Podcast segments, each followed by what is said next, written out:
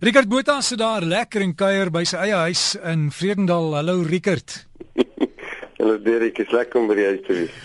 Rickert, ehm um, ja, ja, daar's niks soos die huis nie, nee, maar nou, jy weet terwyl jy daar by die huis is en jy moet nou gou 'n gebedjie opstuur. Ek het jou laat weet ons praat vandag oor as jy bid. As jy ons se Vader is nie die ek se Vader nie. Ehm um, kan 'n mens selfsugtig wees wanneer jy bid want baie mense het 'n persoonlike probleem. Maar nou moet ons vra, jy weet, seën ons en wat van my? Sê net gou weer die onsse Vader is nie wat nie. Is nie die ek se Vader nie, weet. Want dit dis dis 'n gebed ons ons sê hom op so 'n resitasie. Ja, ek het nou vanoggend het ek nou baie behoefte om met die Here te praat, man. Jette. Kyk, ehm um, ja, ja, dis waar, nee. Dat ou kan die kan die Here aanwend vir jou eie selfsugtige gebruik. Dit is so. Mense doen dit. Ons die weet die ou geëikte ou voorbeeldjie, maar is tog so lekker een, hè is die genie in die lampie. Jy weet jy kom in 'n krisis of wat ook al dan vryf jy die lampie en spring die genie uit en dan gee jy 'n paar wense. Baie mense hanteer God op presies dieselfde manier. So hy's hierdie fantastiese genie wat alles gaan regmaak. Jy weet as jy krisisse slaan en dinge is nie meer reg nie en jy weet dan dan toe maar wat toe maar moenie worry nie, jy het dan jou lampie. So jy vryf hom net, jy doen net die basiese goedjies wat jy reken, gaan die genie tevrede stel en dan Uh, nou goed, dis dis baie mense se godsdienstbeoefening. God is natuurlik glad nie 'n genie en 'n lampie nie. Hy is uh, die allerhoogste God, verhewe bo hemel en aarde. En uh so uh, ja, ja, daar's 'n daar's 'n plek waar ek moet kom om te verstaan dat my verhouding met God gaan uh, eerstens oor hom en dan gaan dit oor my. Ehm um, en nou gewoonlik werk dit andersom. Ons verhouding met God gaan eerstens om ons en dan later, miskien later, gaan dit 'n bietjie oor hom. So ons gebed reflekteer dit baie. So jy kry 'n jy kry 'n uh, ek uh, ek se vader soos jy moet sê, jy weet 'n gebed wat baie selfsugtig is wat 'n mens vir jouself bid, maar dan kry jy 'n gebed wat jy vir jouself bid wat glad nie selfsugtig is nie, is baie liefdevol. En om daai onderskeid te kan tref tussen hierdie twee, nê, nee, is dit belangrik dat hierdie beginsel eerste daar is, wat ek verstaan, ek is in hierdie verhouding oor God.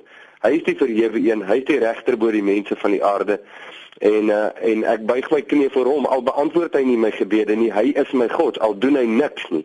Hy hoef niks te doen om God te wees nie. Hy is God klaar. Uh, en dan miskien die tweede punt daar kan 'n mens sê dit is nogals belangrik om te groei nê in jou gebedslewe veral waar jy, jy begin altyd met ek. En die, en die die fokus is op jou en jou begeertes en jou behoeftes en jou planne en jou drome en jou vrese en al hierdie goeters dis waar mens begin maar dat 'n mens groei. Jy weet van daar af na daar's mense ook meer as net jy op hierdie planeet. Met gewellige krisisse en dinge in hulle lewens en dat as my gebedslewe nie kan groei van my na hulle nie of na die ander mense om my nie dan het ek 'n as dit waarskynlik 'n goeie aanduiding ek het nie geestelik gegroei glad nie. En ek bly nog net by hierdie een ou klein plekkie waar jy weet waar ek voel God is daar om my te help met dit wat ek tekort kom.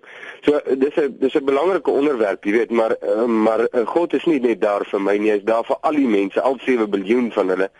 En uh, en as ek God se hart vir mense deel, dan reflekteer dit in my gebede. Regtig maar my my punt is mens mens sê dit is is 'n God vir almal, maar wanneer jy partykeer 'n persoonlike probleem het en jy moet vir almal om jou bid, uh voel jy amper half skuldig as jy vir jouself moet bid want nou is jy selfsugtig. Ja nee, jy sien dis dit is hoekom dit belangrik is om my onderskeid te tref. En ek sê, ek kan gebede vir myself bid wat baie selfsugtig is, want ek sien dit vanuit my begeertes en my behoeftes. Ek deel glad nie God se hart van my lewe nie. Ek sien nie wat hy sien nie. So ek het net my dingetjie en ek sing my dingetjie en en weet en ek hoop die Here gaan saam sing. Nou daai gebed sal ons sê is 'n baie selfsugtige, selfgesentreerde, egosentriese gebed. Maar nou kan ek vir die ander kant sê, kan vir jou sê ek is 'n mens net soos die ander 7 miljard ek het behoeftes net soos hulle. My behoeftes is net so waardig voor God as enige iemand anders se behoeftes. En jy weet wanneer ek veral wanneer ek myself sien soos God my sien en my situasie sien soos God my sien, dan kan ek met groot vrymoedigheid nogals en met autoriteit bid vir my eie behoeftes. En dan kan ek voor God staan en ek kan ek kan baie intelligent bid en diepgaande bid. Ek kan bid dit wat God deel op sy hart met my. En dit is nie egosentries nie. Dit is nogals baie liefdevol. Want jy sal onthou Nou jy het vir Jesus gevra wat is die belangrike goed vir God? Toe sê hy ag is maklik, ek sê hulle sommer drie goedjies. 1, jy moet die Here jou God lief hê met jou hele hart, siel, verstand en al jou kragte. Dan sê hy tweede ding is jy moet jou naaste lief hê en dan derde ding is soos jy jouself liefhet. En en daai selfliefde het niks met selfsugtigheid te doen of selfgesentreerdheid nie, maar om myself met liefde te behandel soos wat God my behandel. En dis baie keer die ou wat ons die meeste afskeep, nê, is is onsself en daarom sukkel ons so om ander mense ook lief te hê. So dit reflekteer in nou se gebede, nê, en dit is belangrik, goed dat jy dit noem. Ek het iemand gesê ek moet jou vra met die met die onsse Vader as jy nou 'n uh, keuse kan maak watter van die 5 goed moet jy voorbid? Ek weet en as dit nou as jy hom kan deurtrek na die 10 gebooie ook, jy weet. Ja, dis nou moeilik, jy nee. Ek weet nie presies wat hulle wat hulle regtig vra nie, maar Ja, sê sê net maar, dis dis 5 goed waar waarvoor jy elke dag kan bid. Wat sal dit wees? Seker maar gesondheid? Ja, ek ek sou sê ek sou sê dit kom ek sê nou vir jou, nee, kyk gesondheid speel mos 'n massiewe belangrike rol en hoe ouer jy word, jy weet, 'n belangrike rol speel dit. En later kom dit so dat dit omtrent die prima rol speel is alwaaroor jy gesels is jou gesondheid. Maar ek dink ek dink eh, die sleutel vir alles in alle fasette of dit nou gesondheid, verhouding, werk enigiets is, is dat ek God se wil sou ken. En ek dink dis vir my nogals die belangrike deel. Jy weet dat ek kan weet wat is God se hart? Wat is God se hart vir my? Wat is God se hart vir hierdie situasie? Wat is God se hart vir hierdie mense? Uh om dit te kan weet en te verstaan en insig daarin te hê, nee, dis vir my wysheid. En enigiets, jy weet, daarna, jy weet kan daarna volg, maar dis vir my nogals uh, nommer 1. Ek dink dis 'n belangrike ding. Daarsonder kan ons nie lewe nie, al is ons hoe gesond. So daai lotto nommers en die nuwe karre en die nuwe huis, dis uit.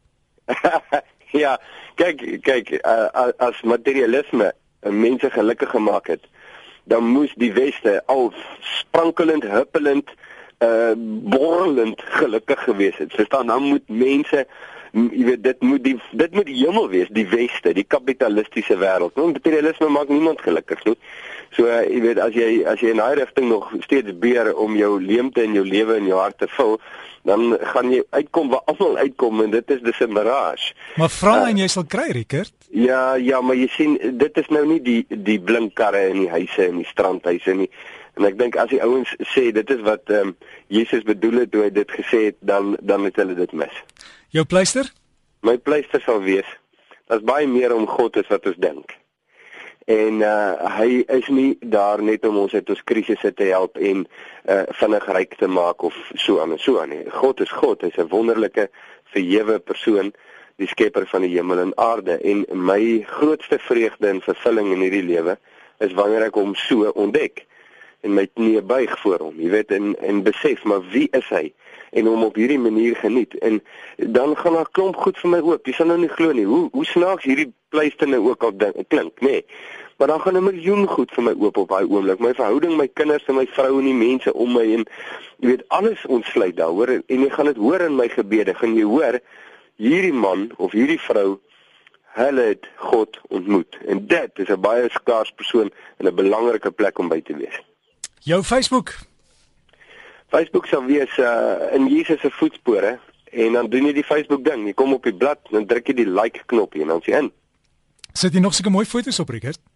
Weet jy, uh, teoreties ja, het ek nou onlangs nee. Jy het beloof, ja, maar geen kamera nie man en op die plekke waar ek is, het ek net nou 'n foontjie en hy neem baie sleg. Maar uh, as ek nou weer ja. by 'n mooi plek kom, neem ek, sit ek op. Dankie Rickert, ons sal uitkyk daarvoor hoor. Dis hy. Rickert, ek naweek vir jou. Jy ook, dankie daar.